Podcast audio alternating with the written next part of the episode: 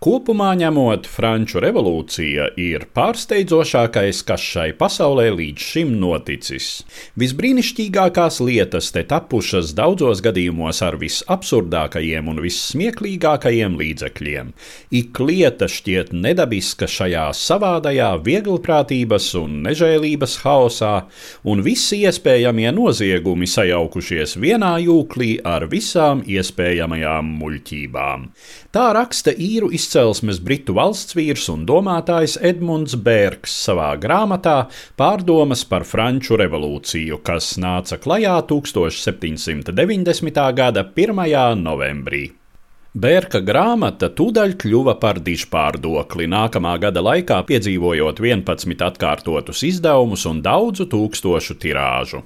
Darba iznākšanas brīdī nu jau pusotru gadu viņpus Lamanšam risinājās straujas un vēl nesen neiedomājamas pārmaiņas. Francijas kārtu sapulce, kuru karalis Luis 16. bija sasaucis cerībā stabilizēt situāciju saimnieciskās krīzes plosītajā valstī, bija pārtapusi nacionālajā Nacionālajā konstitucionālajā asamblējā.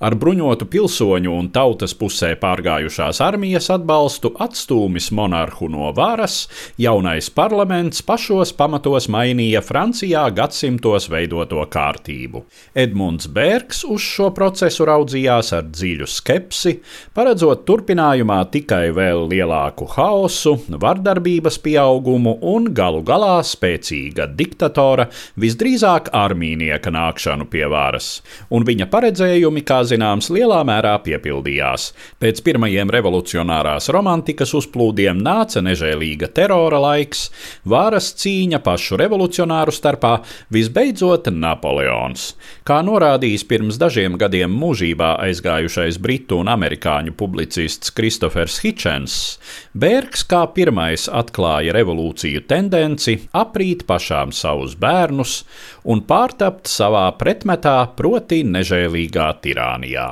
Pie tām sava laika britu politikas ainavā Edmunds Bergs bija izteikti liberālās strāvas pārstāvis. Viņš kaismīgi aizstāvēja monarha varas ierobežošanu ar konstitucionāliem līdzekļiem.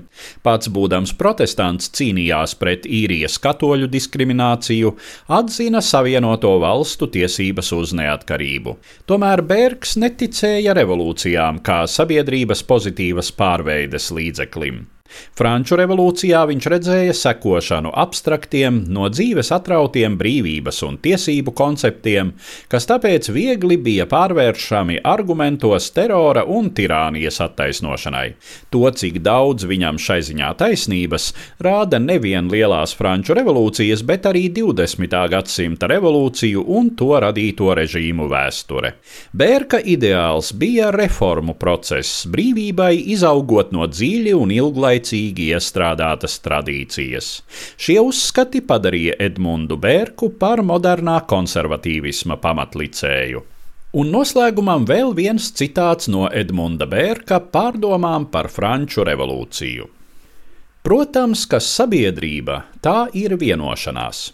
Otršķirīgas vienošanās, kas attiecas uz atsevišķu konkrētu interešu objektiem, var laust pēc patikas bet valsts nav uzlūkojama kā kaut kāds divpusējs līgums par tirgošanos ar pipariem, vai kafiju, katūnu, vai tabaku, vai citu tikpat maznozīmīgu pasākumu, kas uzsākts aiz sīkām īslaicīgām interesēm un ir arī izbeidzams pēc pušu iegribas.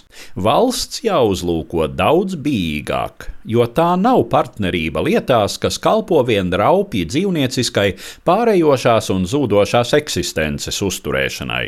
Šī ir partnerība visā savā zinātnē, partnerība visā savā mākslā, partnerība visos tikumos un visā savā pilnībā. Un šāda partnerība nav izbeidzama daudzās paudzēs.